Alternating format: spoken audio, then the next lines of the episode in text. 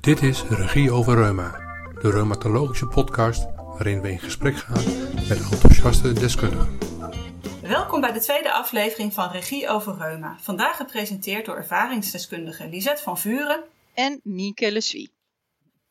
Vandaag gaan we het hebben over bewegen en reuma. En uh, Lisette, voor jou is dat een heel erg uh, actueel onderwerp. Want 15 jaar geleden kreeg jij de diagnose reuma. En in de voorbereiding vertelde jij dat je uh, toen eigenlijk nog niet zo heel veel wist over bewegen en sporten. Um, wat had je achteraf heel graag eerder willen weten? Um, wat had ik achteraf eerder willen weten? Vooral wat, wat bewegen is met reuma.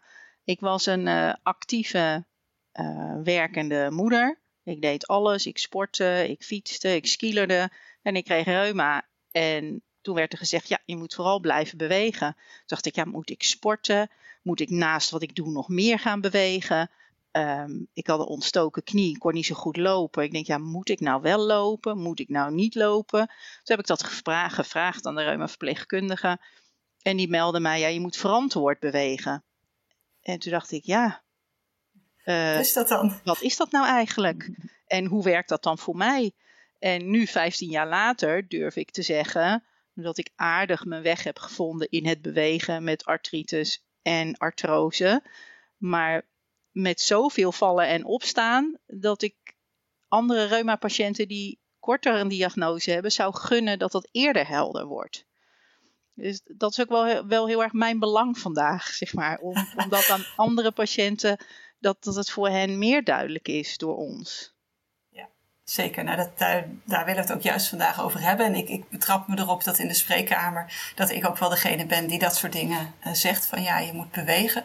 Dus ook ik ben geholpen als, uh, als ik dat nog weer iets concreter uh, kan ja, maken. en zijn, omdat jij in deze hoedanigheid als reumatologe hier zit, hè? Ja.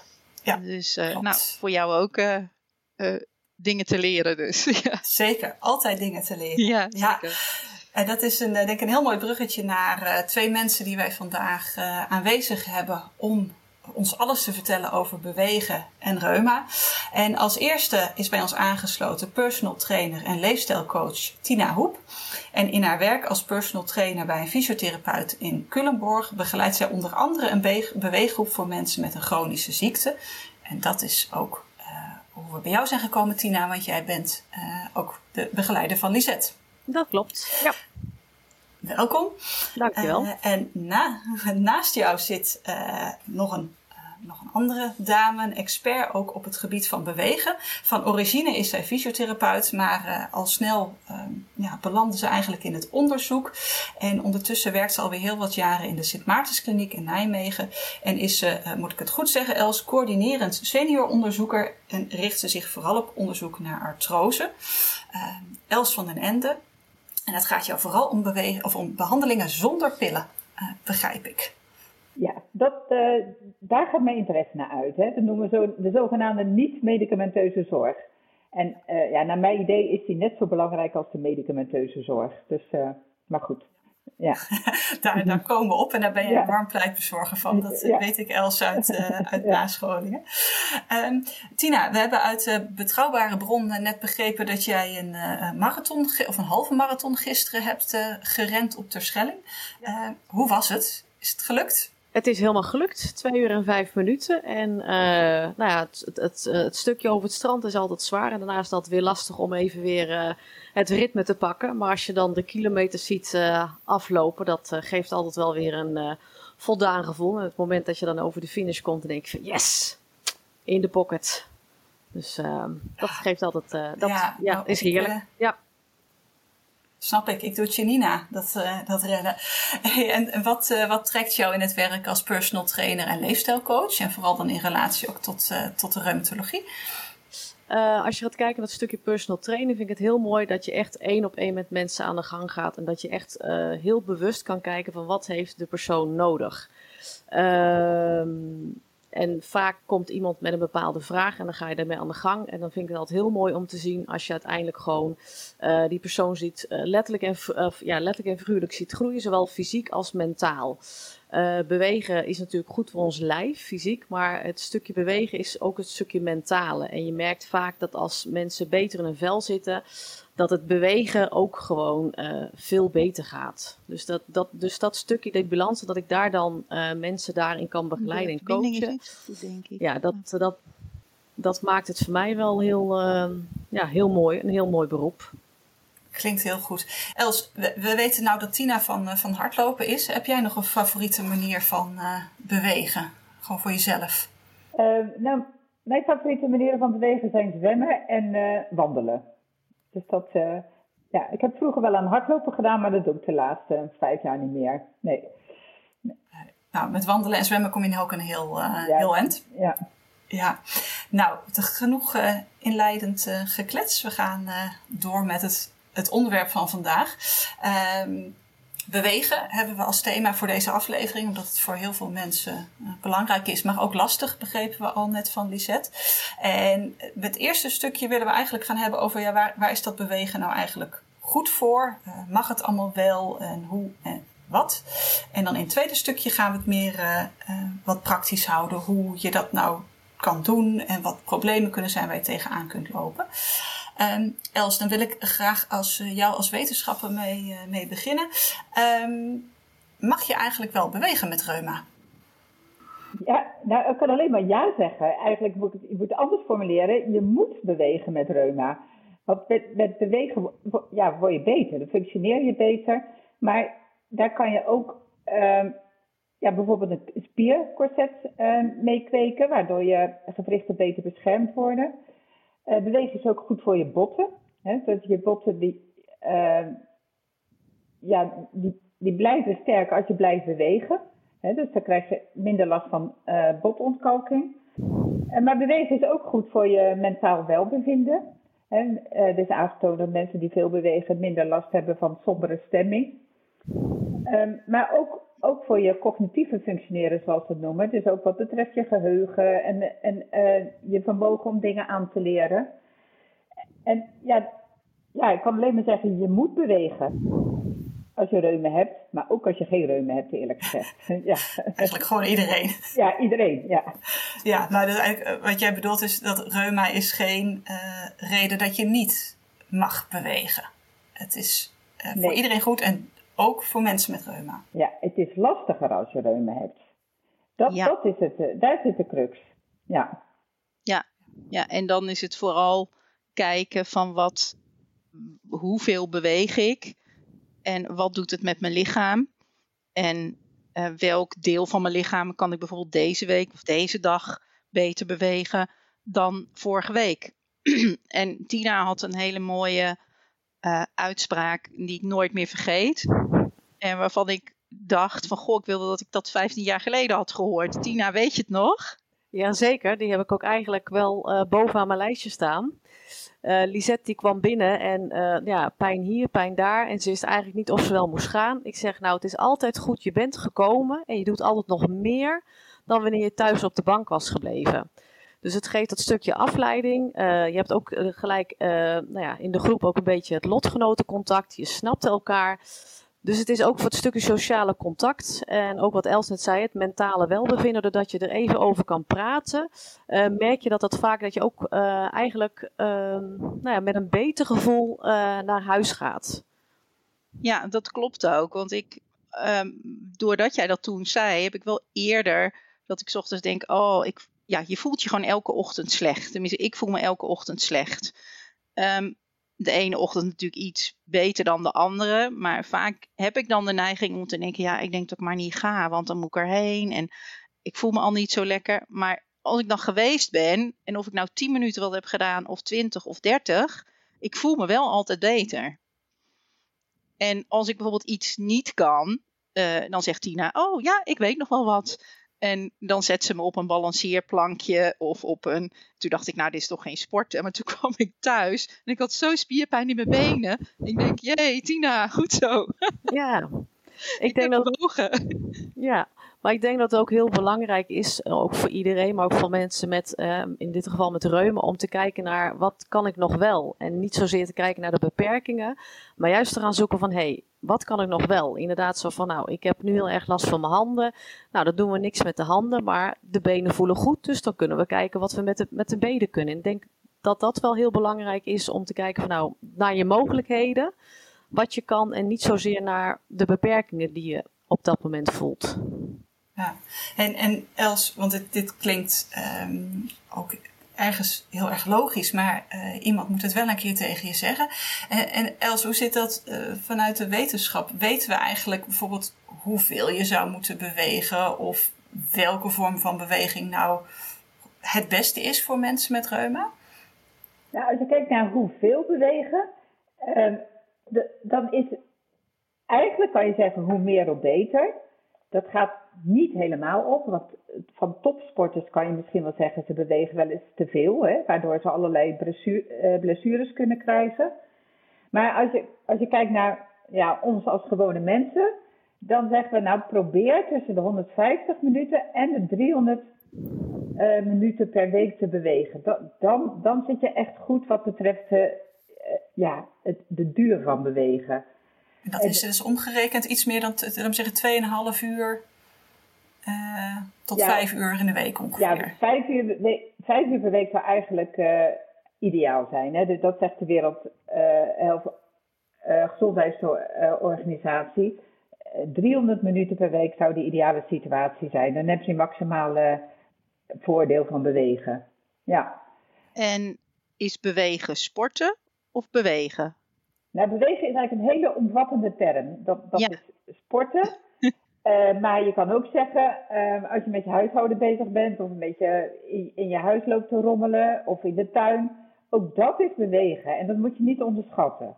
Dus eigenlijk hoe meer je in beweging bent en niet zit op een stoel, ja, hoe beter.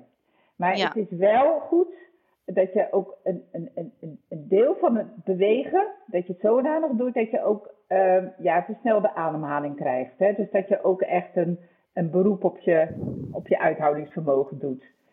Dus, ja. um, en, en daarom zeggen ze nou, ja, doe dat ongeveer, um, dan weet ik eigenlijk nog niet uit mijn hoofd hoe, hoeveel dat precies is, maar als je dat een half uur uh, per dag kan, kan doen, zou dat ideaal zijn. Ja. En dat, uh, dat mag dus ook bijvoorbeeld wandelen zijn, maar dan net een iets uh, harder tempo dan wat je normaal doet. Bijvoorbeeld als die ademhaling maar omhoog ja, gaat. Ja, stevig wandelen. Daar gaat je hartslag ook van omhoog. Fietsen. Is alles wat, wat flinker aanzetten. Ja. En nou ja, in de tuin werken is vaak ook behoorlijk uh, intensief, hè? dus daar kan je er zeker ook toe rekenen. Maar stofzuigen is ook niet een echt rustig karweitje. Hè? Dus dat, uh, dat mag je er ook bij optellen. Ja. Ja. ja. dus bij bewegen hoeven we niet per se gelijk in de sportschool te denken. Nee, zeker niet. En dat is ook waarom ik, uh, als ik kijk naar het stukje leefstijlcoaching, met mensen die bij mij voor het eerst komen, heb ik het altijd over bewegen omdat uh, als mensen denken aan sporten, dan denken ze gelijk dat ze drie uur per dag uh, zich helemaal in het zweet moeten ja. werken in de sportschool. En voor iemand die nog nooit bewo bewogen heeft, is dat zo ver van zijn bedshow dat hij gelijk eigenlijk al afhaakt. Dus ik probeer dan ook altijd zo van, hè, maar wat kan je nu al in je dagelijkse leven doen? Hè? Pak je heel vaak de auto? Nou, kijk eens of je misschien een keer de fiets kan pakken. Of dat je eens een keer een wandelingetje maakt. Gewoon heel laagdrempelig. En eerst maar eens kijken van, wat kan mijn lijf eigenlijk aan? En uh, ja, die beweegnorm is natuurlijk heel mooi, maar uh, ze zeggen ook wel zitten is het nieuwe, hè, is het nieuwe roken. Want als je al een hele dag hebt gezeten en je denkt s'avonds, ah, ik ga even een uurtje sporten dat is natuurlijk heel fijn, maar eigenlijk moet je uh, gedurende, nou, na elk uur, dat je eigenlijk even, even opstaat, even in beweging komt, eigenlijk even die gewrichten losdraait. En vooral mensen met reuma, waar natuurlijk die gewrichten steeds stijf worden, juist dan is het uh, belangrijk om niet te lang te zitten, maar gewoon, al zijn het maar hele kleine bewegingen, dat je gewoon even opstaat, die schouders even draait, even een klein wandelingetje uh, om thee te zetten, om in ieder geval maar wel in beweging te blijven. Ja, en, en Tina, ik denk eerlijk gezegd dat ook voor de mensen uh, zonder reuma dat ook nog wel een goede tip is. Uh, Absoluut, zeker. Ja, ja, nee, bewegen is voor iedereen goed. En wat Els ook straks zei van, het alleen voor mensen met reuma is het uh, lastiger. ja, er zijn wat beperkende mogelijkheden, maar ook daar zijn echt nog wel uh, mogelijkheden dat voor iedereen, voor iedereen is bewegen mogelijk op zijn of haar eigen niveau. Ja, en dat zou um, gewoon fijn zijn als je, zeg maar, als iemand een diagnose van een reumatische aandoening krijgt, dat je dan um, eigenlijk standaard een soort beweeg-leefstijl um, gesprek eraan toe zou kunnen voegen. Ik heb het zo alleen uitgevogeld, allemaal.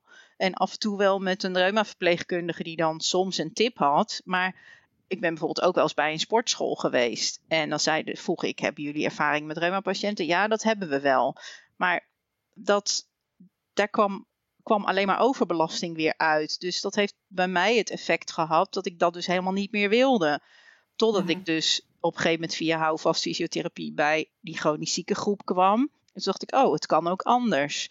En nu ben ik zover dat elk ding wat ik in huis doe, dan denk ik, oh jee, ik heb bewogen. Dat, dat is echt al een heel ander perspectief wat je dan ziet als patiënt. Een hele andere manier van denken ook. Uh, ja. Of om van tegenaan kijken misschien. Ja, precies. Ja. ja. Els, hoor, want jij doet ook heel veel onderzoek naar, uh, naar artrose en natuurlijk ook met veel met ervaringsdeskundigen in gesprek. Zijn dit dingen die je vaker dan ook terug hoort?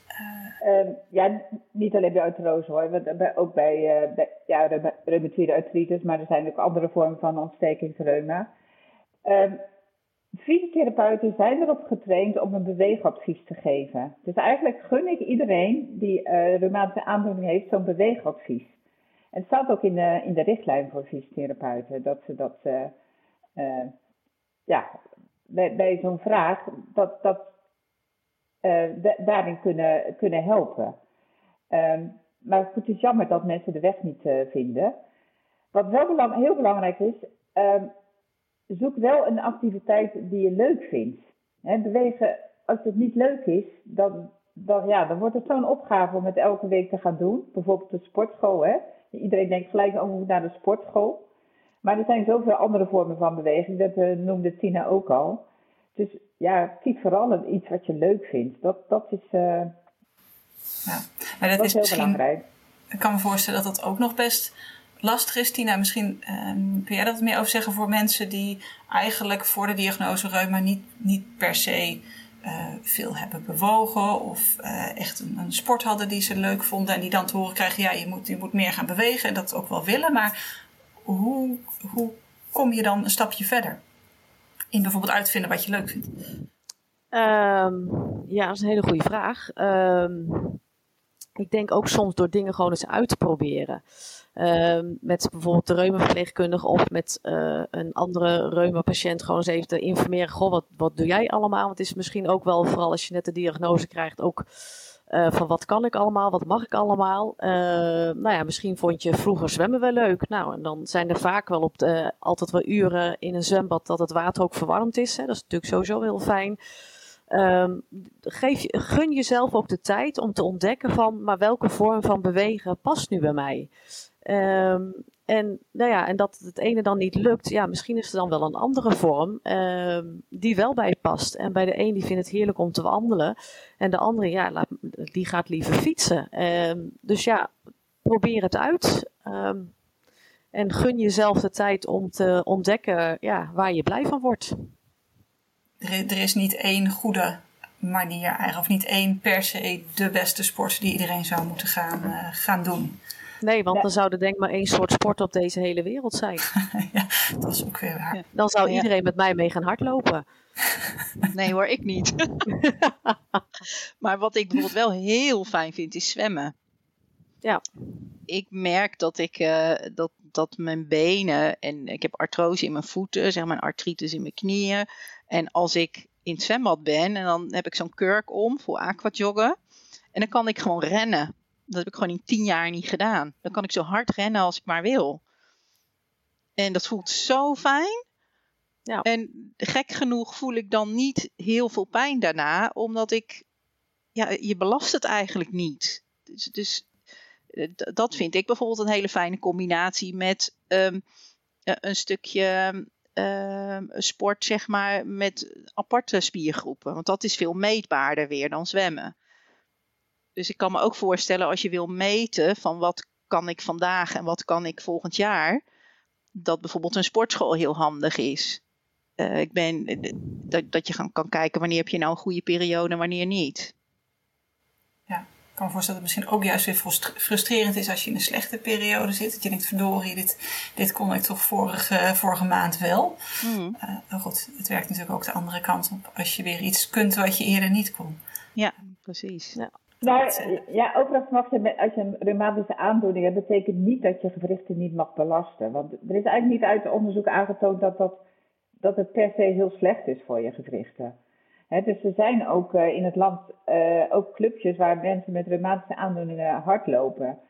En we hebben zelf bij de Maartenskliniek uh, de afgelopen uh, zomer een oproep gedaan aan mensen met artrose die de Vierdaagse gingen lopen. Nou, we hebben toch wel 30 mensen gevonden die dat inderdaad deden. En die hebben ervaringen ook gedeeld en ook tips gedeeld hoe ze die Vierdaagse doorkwamen.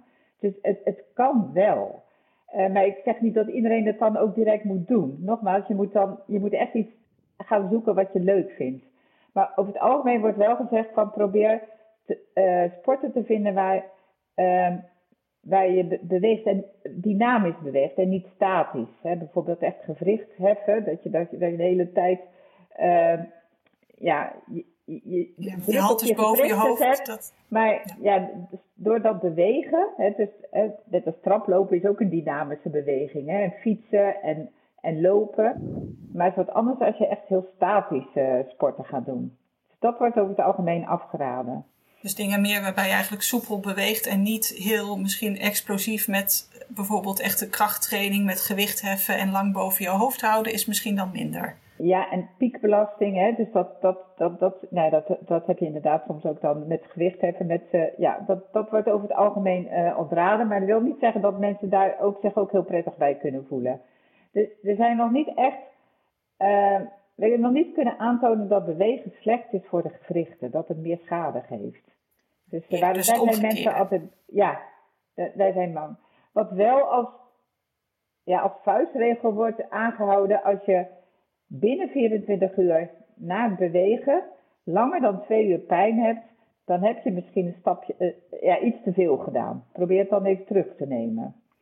Maar je mag best spierpijn hebben na bewegen. Dat, hè, ja. dus dat, dat mag.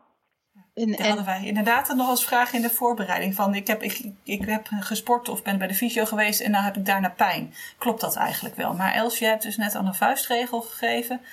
Binnen 24 uur, langer dan twee uur pijn, dan heb je een beetje te veel gedaan. Ja. Die ga ik ook onthouden. Ik denk inderdaad heel belangrijk dat als je gaat beginnen met, uh, met sporten, uh, dat je het gewoon rustig opbouwt. En dan kun je vaak beter eerst het volume uitbouwen en daarna pas uh, de intensiteit gaan aanpassen. Dus in het geval van nou ja, bij Lisette die op donderdag dan op de apparaten zit, dan kan ze beter eerst een lange tijd op het lagere gewicht blijven en dan meer herhalingen gaan doen. En dat als dat nog steeds goed voelt, hè, dan kan ze zeggen van nou dan gaan we iets omhoog in gewicht, maar dan gaan we weer terug in het aantal herhalingen. Dat je dus eigenlijk gewoon heel geleidelijk uh, ja, opbouwt en uitbouwt. Ja, ja. En een vraag die, die wij ook in de voorbereiding hadden: van mag je eigenlijk wel uh, bewegen of sporten met een ontstoken gewricht? Uh, Tina, hoe ga jij daar in de praktijk mee om?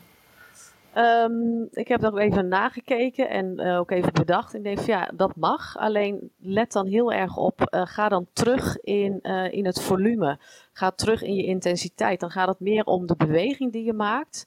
Dan om zozeer meer gewicht of langer te fietsen of zwaarder te fietsen. Het gaat dan meer om dat je lekker in beweging bent. Hè, zodat die gewrichten ook gewoon soepel blijven. Uh, dan dat je jezelf helemaal in het zweet gaat werken. Dat komt dan die keren wel weer daarna als de ontsteking weer tot rust is. Maar gewoon in beweging uh, blijven. Ja, en ik denk dat daar de stelregel van Els ook een hele belangrijke in is. Uh, dat als die pijn de, daarna flink toeneemt en lang aanhoudt, dan was het dus te veel. Ja. Uh, en niet forceren nee, daarin absoluut. eigenlijk. Ja. Klopt toevallig, of is helemaal toevallig, heb ik daar zelf onderzoek naar gedaan tijdens mijn promotie. Van mensen met een echt een actieve reumatoïde artritis hebben we ja, behoorlijk intensief laten bewegen. Dat is, was onderzoek al in de vorige eeuw hoor, voor de, voor de introductie van de, van de biologicals. Uh, maar er kwam eigenlijk niet uit dat, het, dat de gewrichten daar slechter van werden. Integendeel zelfs. Hè, dus van de mensen die heel rustig bewogen, de mensen die dan uh, ja, wat intensiever bewogen met, hè, met, met die vuistregel die ik net noemde. En ja, er bleek uit mensen die intensiever bewogen beter afvaren. Dus, uh, en, en wat is beter af? En, en, uh... Nou ja, beter afvaren toen, hè, dat was uh, in die tijd, hè, nogmaals, dat was de vorige mm. eeuw, was heel belangrijk. Van gaat de ziekteactiviteit niet omhoog? Hè? Gaat de bezinking dan niet omhoog? Uh, Oké, ja. Ja, en gaat de DAS-score dan niet omhoog? Ja. Dus daar keken we met name naar. Ja. Dus eigenlijk Els, zelfs met een actieve reuma uh, mag je bewegen. Je mag bewegen, ja. En ik, ik sluit me ook helemaal aan uh, bij, bij Tina dat je moet wel ik zou wel iets beter opletten hoe je, hè, hoe je gewricht reageert en dergelijke. Maar ik zou wel blijven bewegen, ja. ja. Nou, volgens mij zijn we alweer heel wat wijzer geworden. Ik uh, vond het wel tijd om eventjes een, eh, een intermezzo-vraag te doen. Uh, voor, in ieder geval voor Tina en, en Els. Ehm, Tina, wat is in jouw werk als personal trainer, leefstijlcoach, het bijzonderste wat je hebt meegemaakt en dan graag in relatie tot reuma? Nou, eigenlijk wel. Uh, nou ja, Lisette heeft hem eigenlijk al gezegd. Ehm, dat Lisette kwam met het, nou ja, wat we al zeiden van, hè, met pijn moet ik wel of niet gaan. En dat je dan door een nou ja, soort mantra te zeggen van nou hè, je bent in ieder geval gekomen, dus je doet meer dan wanneer je thuis was gebleven. En dat, dat dan, nou ja, dat dan radertjes gaan draaien. En dat dat blijkt dus dat het toch best wel een hele grote impact heeft. Denk ik van nou, dan vind ik dat wel heel bijzonder. Dat ik zoiets kleins eigenlijk, uh, nou ja, dat ik daar eigenlijk wel heel veel mee heb uh, kunnen bereiken. Ja, zeker. En uh, Els, eigenlijk dezelfde vraag voor jou, maar dan uh, misschien meer in de rol als onderzoeker of misschien nog ooit als praktiserend fysiotherapeut. Um, wat, wat ik bijzonder vond toen ik in mijn tijd als onderzoeker, um, ja, toen namen ook mensen met, uh, met reuma deel aan mijn onderzoek. En toen had ik op een gegeven moment een jonge vrouw, ik denk dat ze daar net, ja, net 25 was of zo. En die zei van ja, toen ik reuma kreeg, heeft, heeft mijn reumatoloog gezegd, ze mag nooit meer traplopen. En dat had ze ook nooit meer gedaan. En ja, het had hele dunne beentjes, want ze had helemaal geen, geen spieren meer. En ik vond dat eigenlijk, ja, ik vond het toen zo erg dat iemand zo'n advies krijgt en ja, zich daar ook toch zo goed aan houdt. Uh, ja, wat voor impact ook verkeerde adviezen op iemand kan hebben, dat vond ik echt wel. Uh, ja, heel bijzonder, maar ook heel jammer natuurlijk. Ja, ja zeker. Ja.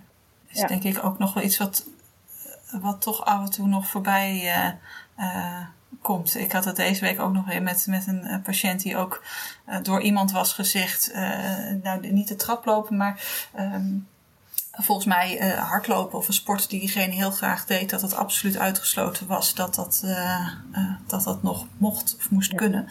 Dat ik ook dacht, goh, gebeurt dat nog nu? Maar ja, helaas af en toe nog wel. Ja. ja.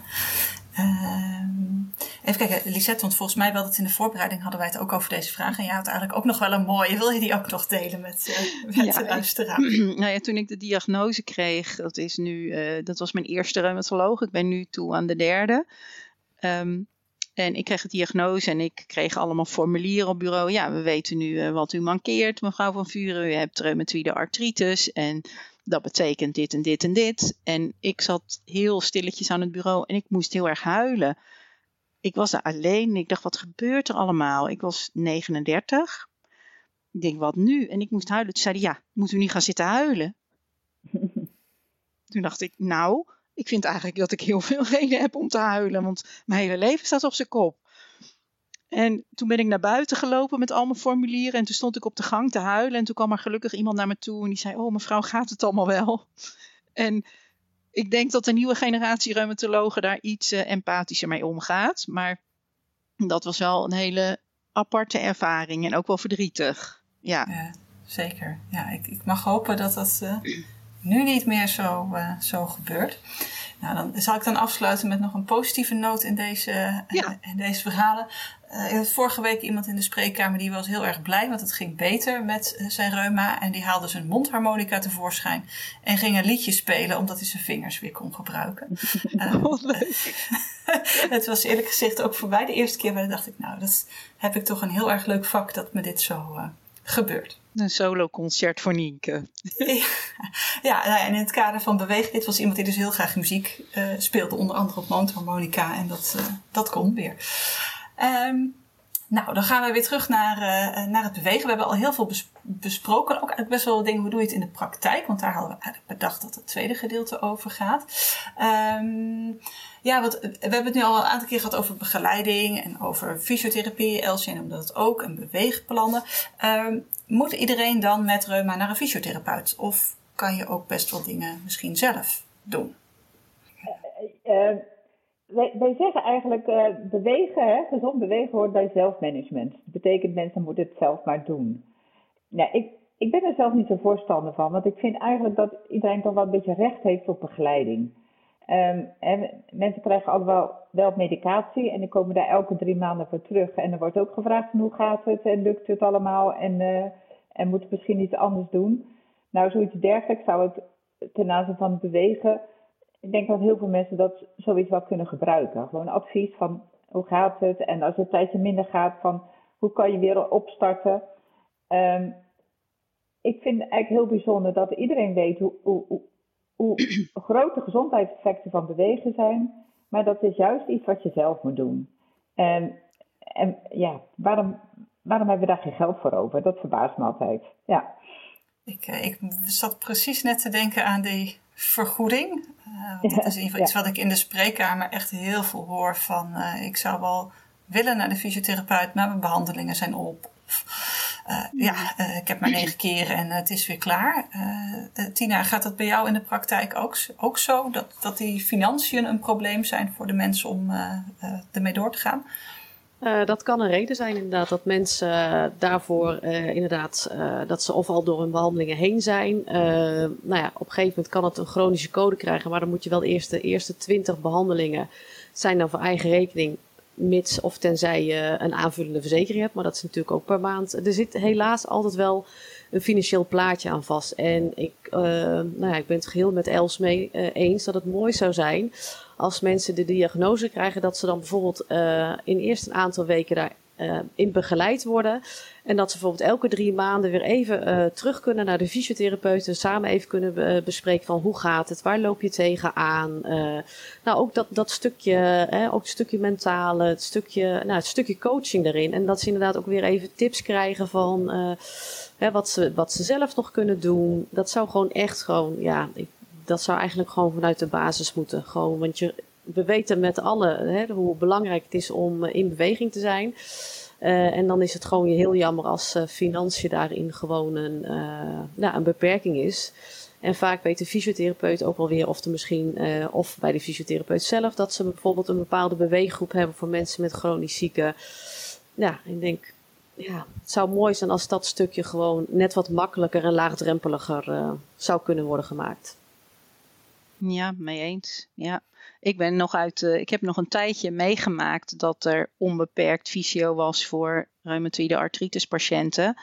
En ik durf te beweren dat ik toen um, fitter was dan nu. Gewoon soepeler.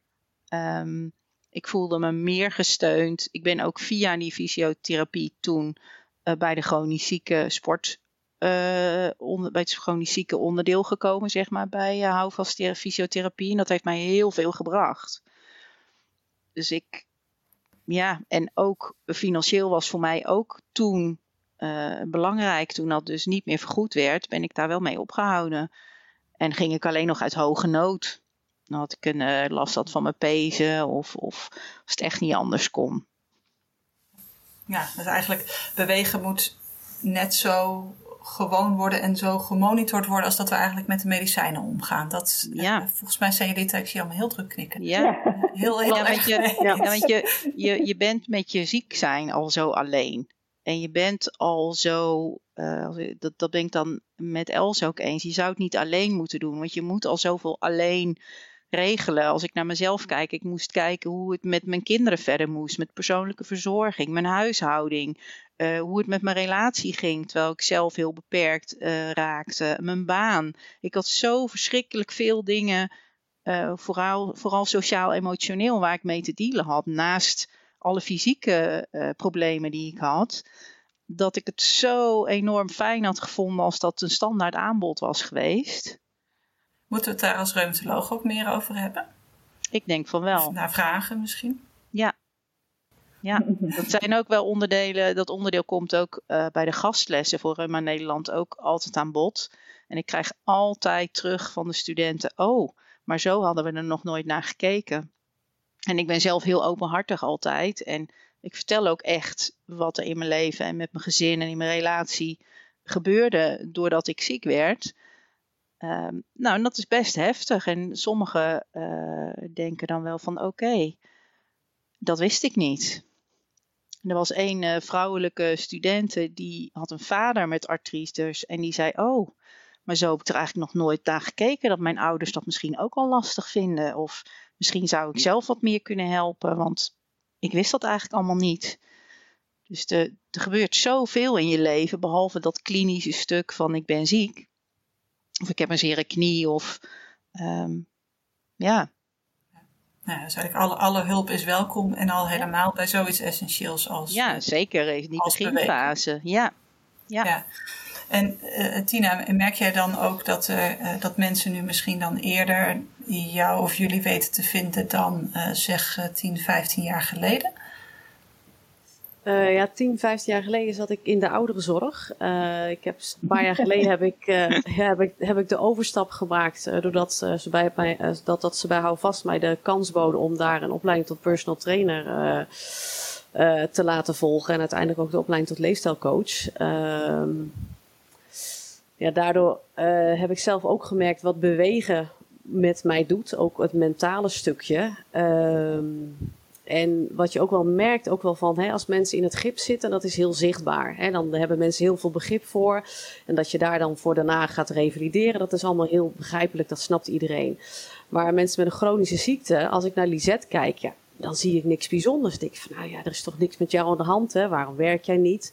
Dus Um, alleen daarom al zou het fijn zijn als je, hè, of vanuit het ziekenhuis, uh, dat je ook dat stukje daarin begeleiding krijgt, uh, dat daar nog wordt gevraagd. En dat je dat stukje ook, uh, ja, dat je daarin wordt geholpen. Van welke, welke stappen kan ik zetten, welke wegen moet ik behandelen.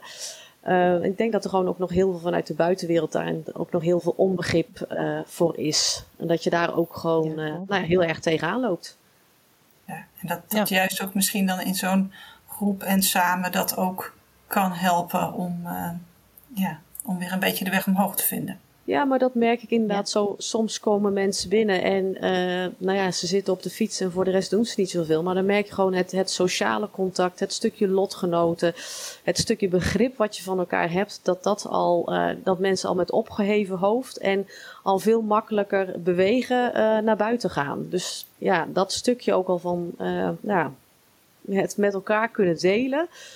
Nou, dat stukje uh, verlichting, ontlasting en nou ja, het stukje stress wat daarbij hangt, dat je dat dan ook kwijtraakt. En dat dat vaak ook al helpt om minder pijn uh, te voelen. Ja, dat klopt. Ja. Ja.